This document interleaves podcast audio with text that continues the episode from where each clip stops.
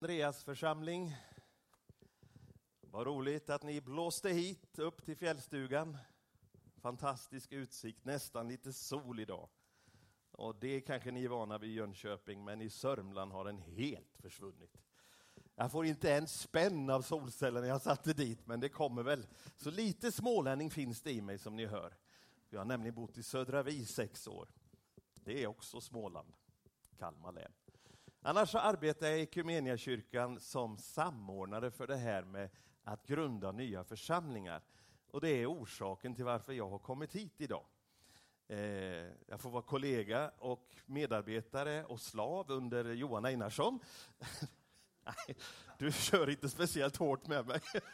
Eh, här på Region Öst, men jag är också verksam i Region Väst och Region Svealand. Så det är halva Sverige. Och då tänker ni, då har han mycket att göra. Men det är precis lagom. Det sker nämligen församlingsgrundande initiativ i nästan samtliga av kyrkans regioner. Och jag som har sysslat med det här i 34 år, jag började tidigt, och jag började i ett land som heter Albanien, så för mig är det jätteroligt att få göra det här i kyrkan. Sammanlagt så har vi 37 planteringar igång, vi kallar det för planteringar att vi plantar en liten spira, en ny församling i jorden.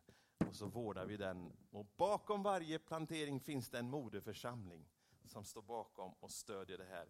Så det här är en rörelse i Sverige, det här är en rörelse i kyrkan som berör riktigt många människor. Eh, I våra planteringar hade man mycket julfester innan jul och när jag försöker räkna ihop så var ungefär 1650 människor samlade till julfest. Och detta är många av våra eh, lite mer utsatta stadsdelar. Alltså de här stadsdelarna i våra större städer som polisen kallar för högriskområden. Där finns Equmeniakyrkan. Eh, ja, det gjorde mig glad i alla fall. Nej, ni är så trevliga allihop. Nu ska vi läsa Guds ord. Men nu vet du varför jag är här. Ebbe har bett mig komma och eh, markera den här biten omkring församlingsgrundande idag. Så jag gör ett krumsprång och eh, eh, låter dig läsa eh, kyrkårets text för dig själv hemma idag, även om den är också underbar. Och så går vi till Jeremia 4 och vers 3. En kort vers. Så säger Herren till Juda män och till Jerusalem. Bryt er ny mark, så inte bland törnen. Punkt. Så här mitt i Smålands Jerusalem måste ju sannerligen det här bibelordet då gälla. Bryt ny mark, så inte bland törnen. Det här som regndroppet som kommer, är det min mick?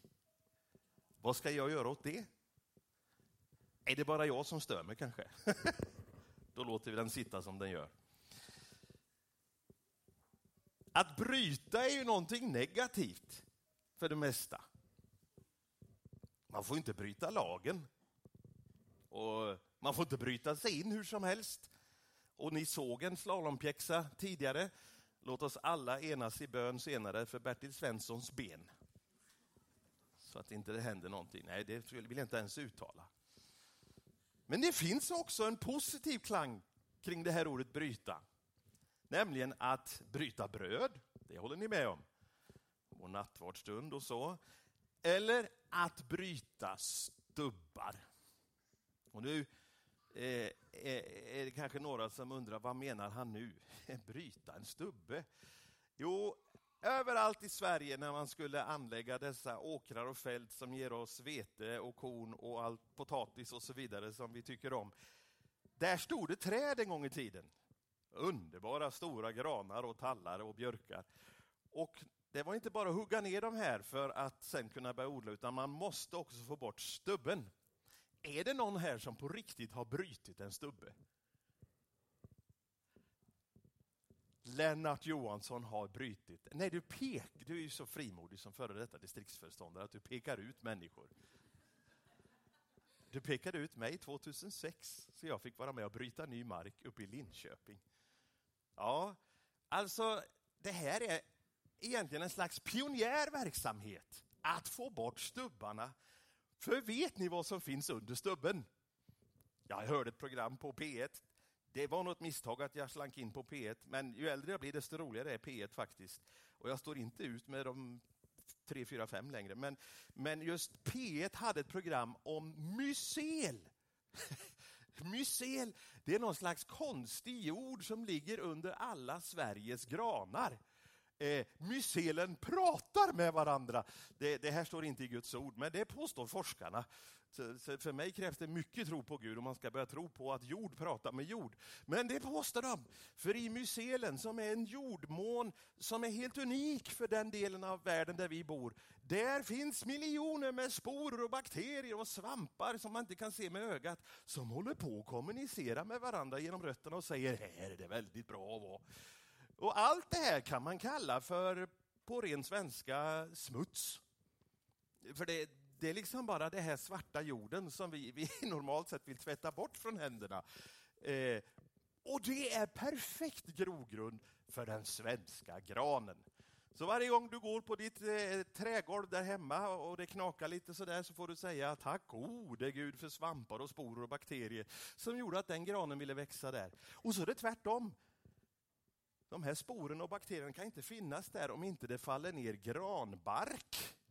Och det hade jag ingen aning om, men granbark är tydligen någonting helt fantastiskt som gör att vi årtusende efter årtusende, i alla fall där uppe där jag bodde senare i Östgötaslätten, att vi kan odla så mycket där, och det har lite med havsbotten att göra också.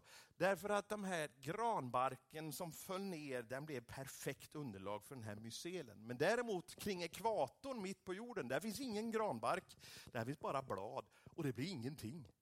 Det bara liksom blir ja, det är minimalt grogrund för olika växter. Nu undrar ni varför ger han oss en biologilektion när han inte ens kan de här sakerna. Han har ju bara hört på P1. Det är helt riktigt, men det finns en poäng med det här.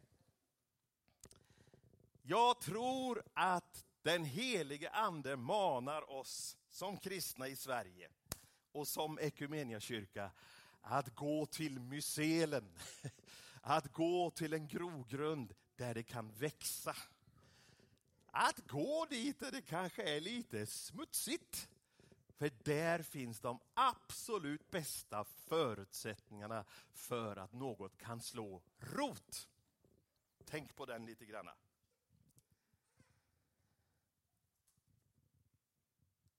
Jag har en granne som är från Finland eh, och han, eh, han har sett mig när jag har försökt bryta upp en tallstubbe på tomten en gång. Och då gick han ut i garaget och hämtade ett konstigt järnverktyg. Det såg ut ungefär som en kofot fast lite svängt lite annorlunda. Och så sa han det. När jag var 17 år så var det ett gott mansverk och man kunde bryta ny mark så långt en man kunde sträcka sig.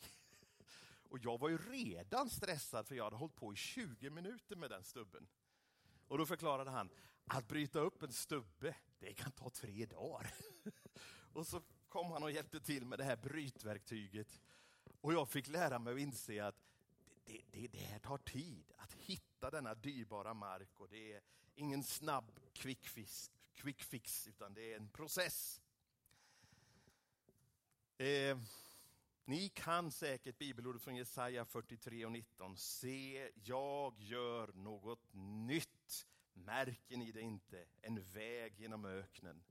I Jesaja 54, vers 3 så säger Herren, ni ska på nytt få befolka ödelagda platser. Nu går jag vidare till det här med ny. Jag har pratat om bryta och nu vill jag prata om ny. Som ni förstår är det tre punkter i dagens predikan. Bryt ny mark. Eh, Nyköping, Nynäshamn, Nykvarn, Nykil, och så vet du säkert något ställe ute i skogen här som heter Nytorp eller sådär. Eh, varför kallas det för Ny? Jag menar Nyköping är väl 800 år gammalt minst, höll på att säga. Och, och sådär. Det känns inte så nytt. Men tydligen fanns det ett gammalt Köping. Och så bestämde man sig för länge sedan, nej nu behöver vi ett nytt Köping. Det fanns ett gammalt Näshamn och så bestämde man sig, vi behöver ett nytt ny Näshamn och så vidare. Och själv har jag arbetat med församlingsgrundande i Nykvarn och där finns det helt riktigt Gammelkvarn också, precis jämte. Och så byggde man en ny kvarn. Och i Kil behövde man tydligen en ny Kil, även om Nykil ligger i Östergötland och Kil ligger i Värmland. Vad hände? Varför började man på nytt? Vad var det som gjorde det? Vad var det som tog slut? Vad var det som låg fel? Vad var det som inte passade riktigt längre? Ja, det går säkert att ta reda på. Ibland har det varit järnvägar och det har varit eh, vattnets nivå i hamnar och allt möjligt. Det finns både fysiska och eh, industriella orsaker på många sätt och vis. Eh, men vi har en berättelse i Bibeln där en såman går ut och sår. Och då berättar liknelsen att en del kom i mysel. Och vi kallar det för god jord i Bibeln, liksom. men det är ju smutsig jord vi pratar om. Och en del kom i vägkanten och en del blev uppätet av fåglar. Så allting hade inte samma förutsättning för att växa. Men Gud säger, se Jerusalem, se Andreas församling, ja, gör något nytt, märker ni det inte? Redan 2003 bestämde sig Svenska Missionskyrkan för vi vill grunda nya församlingar. Man blir inspirerad av intrycken från Covenant Church i USA, vår systerkyrka där borta, och man sa vi vill ha deras erfarenhet. Vi vill möta framtiden med nya relevanta församlingar som för det mesta också då behöver planteras av unga människor, eh, inte helt nya människor, men som kan tänka nytt och hitta nya vägar. Och jag har fått ha privilegiet att grunda församlingar stort sett hela mitt liv. Nu är jag 52 och börjar liksom diskvalificera mig för att vara med. För jag gör ju precis som vi gjorde på 80-talet. Alltså om vi kan sjunga Du är den högst, då blir jag jätteglad. Och jag blir glad för de här sångerna vi har sjungit här idag, även om de är 200 år tillbaka i tiden. Eh, men någonstans, någon gång måste vi som kyrka våga förnya oss. Eller hur? Ni sitter inte i gamla kläder någon av er, det ser jag tydligt och klart. Och jag tror inte bilarna är 30-40 år gamla heller på parkeringen utanför. Vi tror på förnyelse, vi lever i förnyelse med det mesta. Våra hem och hus och alla möjliga saker. Och vårt sinne också för den delen. Men vi måste ju verkligen applicera detta i våra, våran, vårat samfund, vår kyrka och i våra enskilda församlingar. För Gud är en ny som gör, Gud är en Gud som gör allt nytt. Men det är inte så lätt med det nya. Det räcker med att min dotter när hon är på hembesök, eh, nej det kallar man inte för, när hon är hemma säger man. När hon är hemma så kan hon reta sig mig och sätta sig på just min plats till frukosten vid köksbordet. Och jag försöker ju inte låtsas om det, men oh, vad obekvämt det är att behöva sitta på en ny stol vid köksbordet. Snälla någon, jag har ju suttit här nu i 22 år. Ska jag behöva sitta här? Så jag vet precis hur det är att fungera i oss. Det är jobbigt med det nya. Din nåd är varje morgon ny, säger Bibeln, men det är ju en väckarklocka som startar den dagen. Det är inte så trevligt. En del av oss vill gärna vända oss om och sova vidare. Men det nya har ändå förutsättningar med sig som vi behöver, eller hur? Vad säger Bibeln om oss? Att vi är gamla trevliga skapelser. Nej, vi är en... Nej, ni vågar inte ens säga ordet här. Vi är en, två bokstäver, en och y. Vad tror du det blir? Nya. Vi är nya skapelser i Kristus. Alltså har vi ju fenomenala förutsättningar för att möta morgondagen, för att möta framtiden. Jag tänker att det var så, så Gud tänkte när han lovade Israel, ni ska inte vara en svans som kommer släpande efteråt, ni ska vara huvud. Ni ska inte vara ett folk som lever i gårdagen, ni ska vara framtidens folk. Jag tror Gud tänkte så när han triggade Josua i, i, i, i det gamla testamentet. Och ja, jag ska ge ett kort litet exempel då ifrån eh, ett ett nybrottsarbete som tyvärr inte finns kvar idag.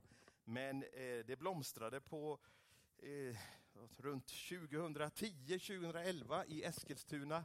Vi hade grundat en ny församling i en stadsdel som heter Nyfors. Det passar väl bra.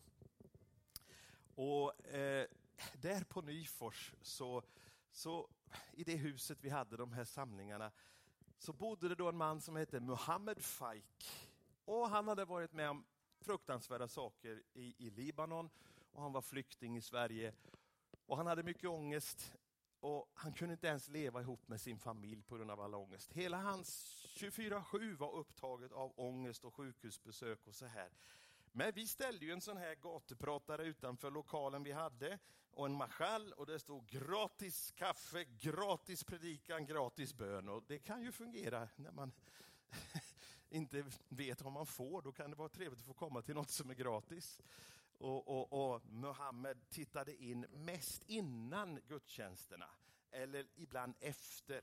Och jag brukade fråga Muhammed, du får gärna komma när det börjar klockan sex och vara med här. Nej, jag orkar inte det. Och så minns jag ju stunden när han tittar in försiktigt och är med i en gudstjänst, nästan till slutet.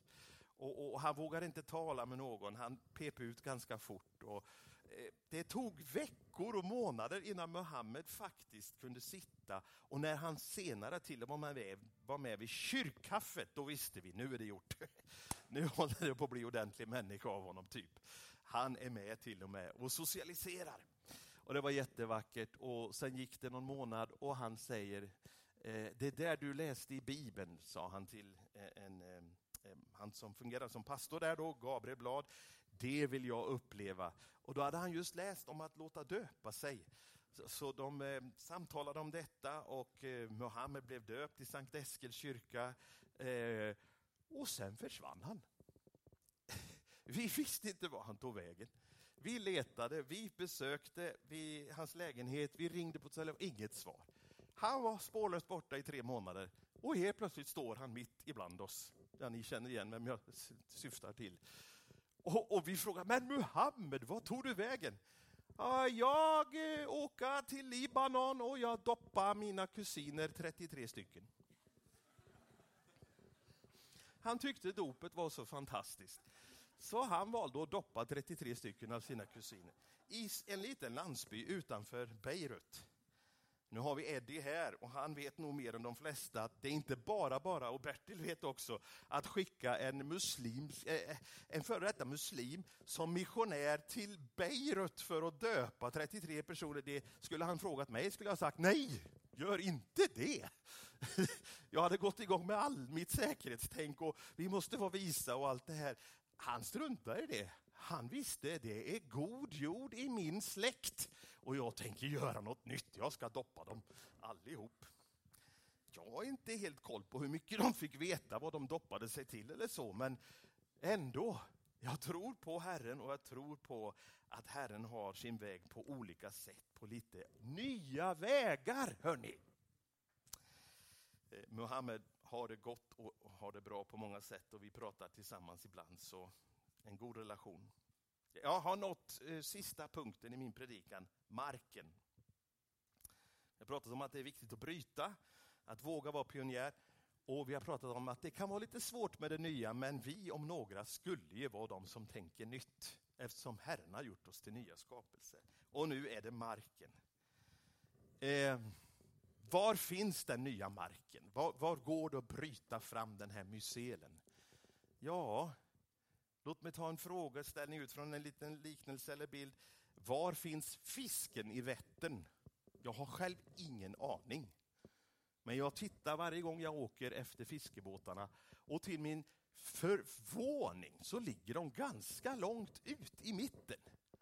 Eh, jag gillar att fiska och hemma i min sjö vet jag exakt vad jag ska ha för bete för att få en 10 kilos gädda.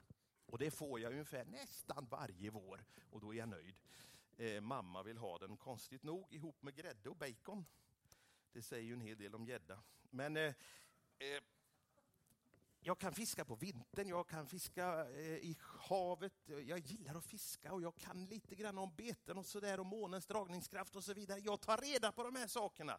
Men jag förstår inte hur man får fisk i Vättern. Det är kanske någon här som vet det.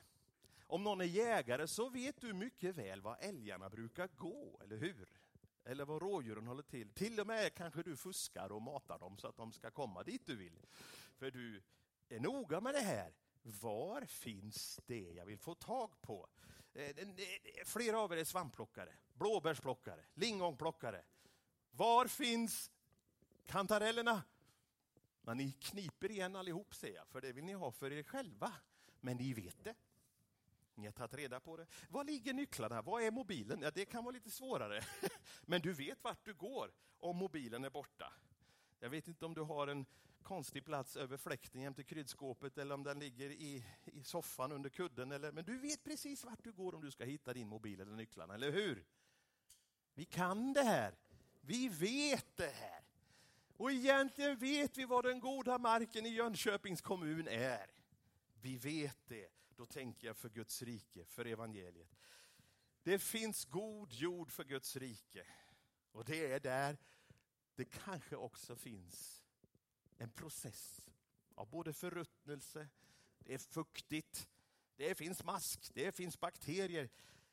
Det är liksom inte städat och rent som ett på sterilaste, sterilaste hörnet på Ryhov.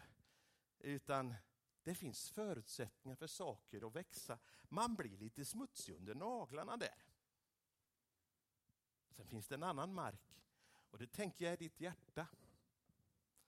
Var finns det hjärtan för Guds såkorn? I Andreasförsamlingen. Hur ser det ut i ditt hjärta? Är det god mark? Vet du, Petrus, han behövde flera omvändelser i sitt liv. Och den sista var nog svårast, eller näst sista.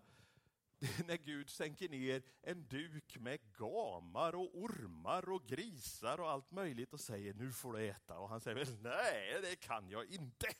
Så svår var den omvändelsen. Men den var nödvändig för att du skulle sitta i Andreasförsamlingen idag. Annars hade du aldrig suttit här idag. Om inte Petrus hade fått ta emot uppenbarelsen att det Gud kallar för rent ska inte vi kalla orent. Får Gud bryta ny mark i ditt hjärta? Får han göra det idag till och med? Kan vi tillsammans bryta ny mark i Jönköping? Finns det några här som faktiskt tänker att det går att bryta ny mark i Jönköping så får ni ställa er upp. Jaha, jaha, jaha, se där. Oh, vad spännande! Och all heder och respekt för er som sitter ner. För det är den mera mänskligt, eh, logiskt, eh, rationella tanken. Men jag tror att eh, jag ska plocka fram två av er. Eddie och Ulrika, ni stod upp. Här har vi en mick också. Välkomna fram. Eh, är det inte så Ulrika, om du kommer här? Och så Eddie där bakom. Eh, ja, ja. är det inte så att, du får hålla den. Är det inte så att eh, det var några av dem som stod upp som du vet varför de stod upp? Jo, jo det stämmer. Ja. Vi är ju en grupp som, har, som kallar oss för att vi har hjärta för Strandängen. Nu, nu måste vi, vilka var det då? För ja. jag vet ju inte ens vilka Kari de är. Kari och Maria. Jag ställer upp igen då. Ja, Ester, David. Det var därför du... och, S, och Rebecka och, och Rebecka. Johan. Underbart. Och Tack Bosse. ska ni ha. Ja. Ja, men hur Ja. bryter man ny mark? Du nämnde Strandängen. Ja, nej men vi, jag och eh, min familj, Karl-Johan och Ester, David och Rebecka har ju flyttat ner till Strandängen. Eh, vi bor just nu i det som kallas för Ormhuset. Det är Vätterhem som äger fastigheten. Och de äger ju en stor del av Strandängen kan man väl säga. Och vi är en, en eh, grupp på tio personer, lite fler kanske, som, som har eh, ja, men som har ett hjärta för Strandängen och som tycker att det här känns lite spännande att se vad, vad det kan bli på Strandängen. Kan det bli kanske ja, en, en, eh, en församling nere på Strandängen?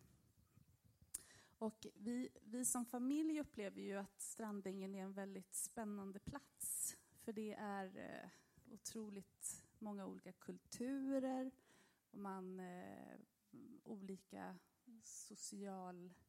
ekonomiska grupperingar kan man väl säga.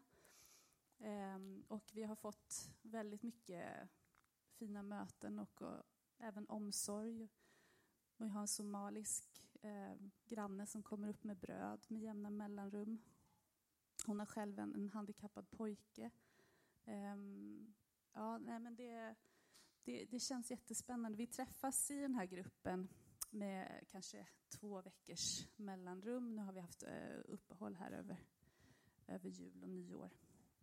Och vi eh, ber och, och pratar och, och, och försöker se eh, framåt vad, vad det skulle kunna innebära.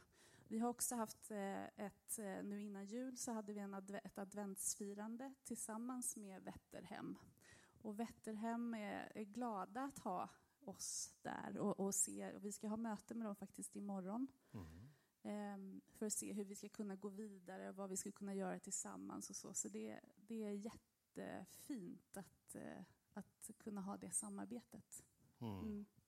Fantastiskt. Ja. Sen är inte vi först på strandängen, utan Ebba Ramsey fanns ju där för länge sedan. Och hon, eh, det, det, det finns på något sätt en anda utav... Eh, eh, jag vet inte hur jag ska säga. Men det, det, finns, det finns någonting speciellt på Strandängen som man, som man ser att det finns plats för, för den som kanske inte alltid passar in. På grund av mm. hennes arbete med till exempel barn med funktionsnedsättning ja. och så, så har det gjorts en skylt. Precis, och jag tog faktiskt en liten bild här. Ska vi se om jag kan få. Ja, visst. Jo, det är också det som är så roligt att Vätterhem har ju velat bevara den här, den här eh, nu ska vi se här. Ja, det här var inte lätt. Ja, men det är väldigt vanligt, vi håller allihopa på så hela tiden ja. hemma, så vi förstår. Okej. Okay. Eh, Vätterhem har försökt bevara den här historien om Ebba Ramsey och vad det har funnits nere på Strandängen. Och det tycker jag är ganska fantastiskt. Det finns ett ett eh, gammalt torp som de har valt att restaurera och de hyr ut. Och utanför det torpet så har de satt en plakett eh, för att påminna alla om Ebba Ramseys arbete. Och det är inte det enda, de har olika konstverk också där de här barnen som bodde på området också finns nämnda vid namn. Mm. Eh, för att många av barnen är begravda vid Ceciliakyrkan på, på kyrkogården där. Och Ceciliakyrkan ligger alltså nere på Strandängen centralt. Jag ska läsa mot slutet. Det var så här att Ebba Ramseys pappa köpte det här torpet och precis innan han skulle ta, ta det i bruk så dog han. Och då tänkte Ebba Ramsey, vad ska jag göra med det här torpet? Jo, hon valde att från fattigstugan... Från fattigstugan... Du ska få hjälp. Går den att zooma ut? Nej. Jag tyckte att jag hade förberett det här så bra, förstår ni? Ja. Okej. Okay. Sen så ser jag inte riktigt heller. Det, ja. det ser jättebra ut. Svartvit, jätteliten text. Ja. Eh, Okej. Okay. Det var från fattigstugan i Göteborg eh, så flyttade sex barn till att börja med till, eh, till det här Wilhelmsro. Då. Och istället för pappa då, så flyttade alltså barn, står det här. Alla svårt märkta av sjukdom och umbäranden. Många kunde inte gå själva och flera saknade talförmåga. Ebba, förlåt. Ebba Ramsey skrev i sin dagbok. Mot all förmodan tillfrisknade gossarna märkbart. Vi begagnade inga läkemedel annat än i speciella fall. Kärlek, sol, ljus, vatten och luft jämte ändamålsenlig näring och fiskolja har varit vår huvudsakliga hjälpare. Och näst sista meningen här. Och Guds välsignelser förstås. Och det har alltså Wetterhem skrivit här på plaketten. Wow. Mm. Och det ligger här och väntar på oss. Mysel! Ni har aldrig hört någon predika om Mysel så engagerat tror jag. Ja, du skulle få säga så mycket mer Ulrika, men eh, vi tackar för det här. Och, och, ja. Jag vill bara säga att är, är, man intresserad av att vara med oss så får man gärna kontakta ja. oss. Ja. Och, och, Alltså, Equmeniakyrkan har en vision om att starta 50 nya eh, församlingar till 2025. Eh, så då får Fjällstugan dra på och vara med, för snart är vi där.